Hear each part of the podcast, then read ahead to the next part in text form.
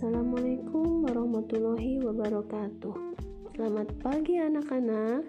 Alhamdulillah kita masih diberi kesempatan oleh Allah Subhanahu wa taala untuk melakukan pembelajaran walaupun masih lewat udara. Pada podcast pembelajaran kali ini, Ibu akan membahas tentang ciri-ciri pubertas pada anak laki-laki dan anak perempuan. Nah, sekarang kita mulai saja ya. Ciri-ciri pubertas pada anak laki-laki di antaranya adalah yang pertama, sudah mulai tumbuh rambut tipis di bagian tubuh selain rambut di kepala. Kedua, Jakun di leher sudah tampak membesar. Ketiga, sudah mengalami perubahan suara yang menjadi lebih besar dari suara sebelumnya. Keempat, kulit sudah lebih kencang dan otot membesar. Yang kelima, dada lebih bidang dari sebelumnya. Adapun ciri-ciri pubertas pada anak perempuan antara lain adalah yang pertama, sudah mulai tumbuh rambut tipis di bagian tubuh selain rambut di kepala. Kedua, sudah mengalami perubahan suara yang menjadi lebih melengking dari suara sebelumnya. Yang ketiga, pinggul sudah mulai melebar. Dan yang keempat, kulit sudah menjadi lebih halus. Itulah ciri-ciri pubertas pada anak laki-laki dan anak perempuan.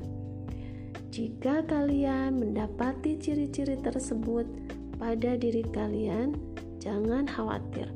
Berarti kalian sudah memasuki perkembangan dari masa kanak-kanak menuju masa remaja. Demikian podcast pembelajaran kali ini.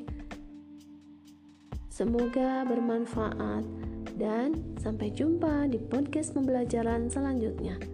Wassalamualaikum warahmatullahi wabarakatuh.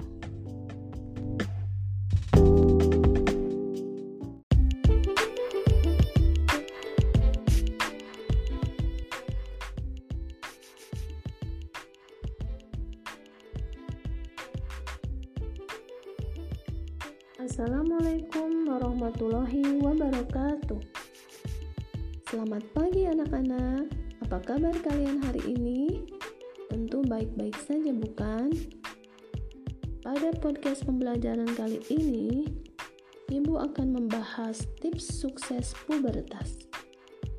Tips sukses pubertas yang pertama adalah selalu mendekatkan diri kepada Sang Pencipta Allah Subhanahu wa Ta'ala.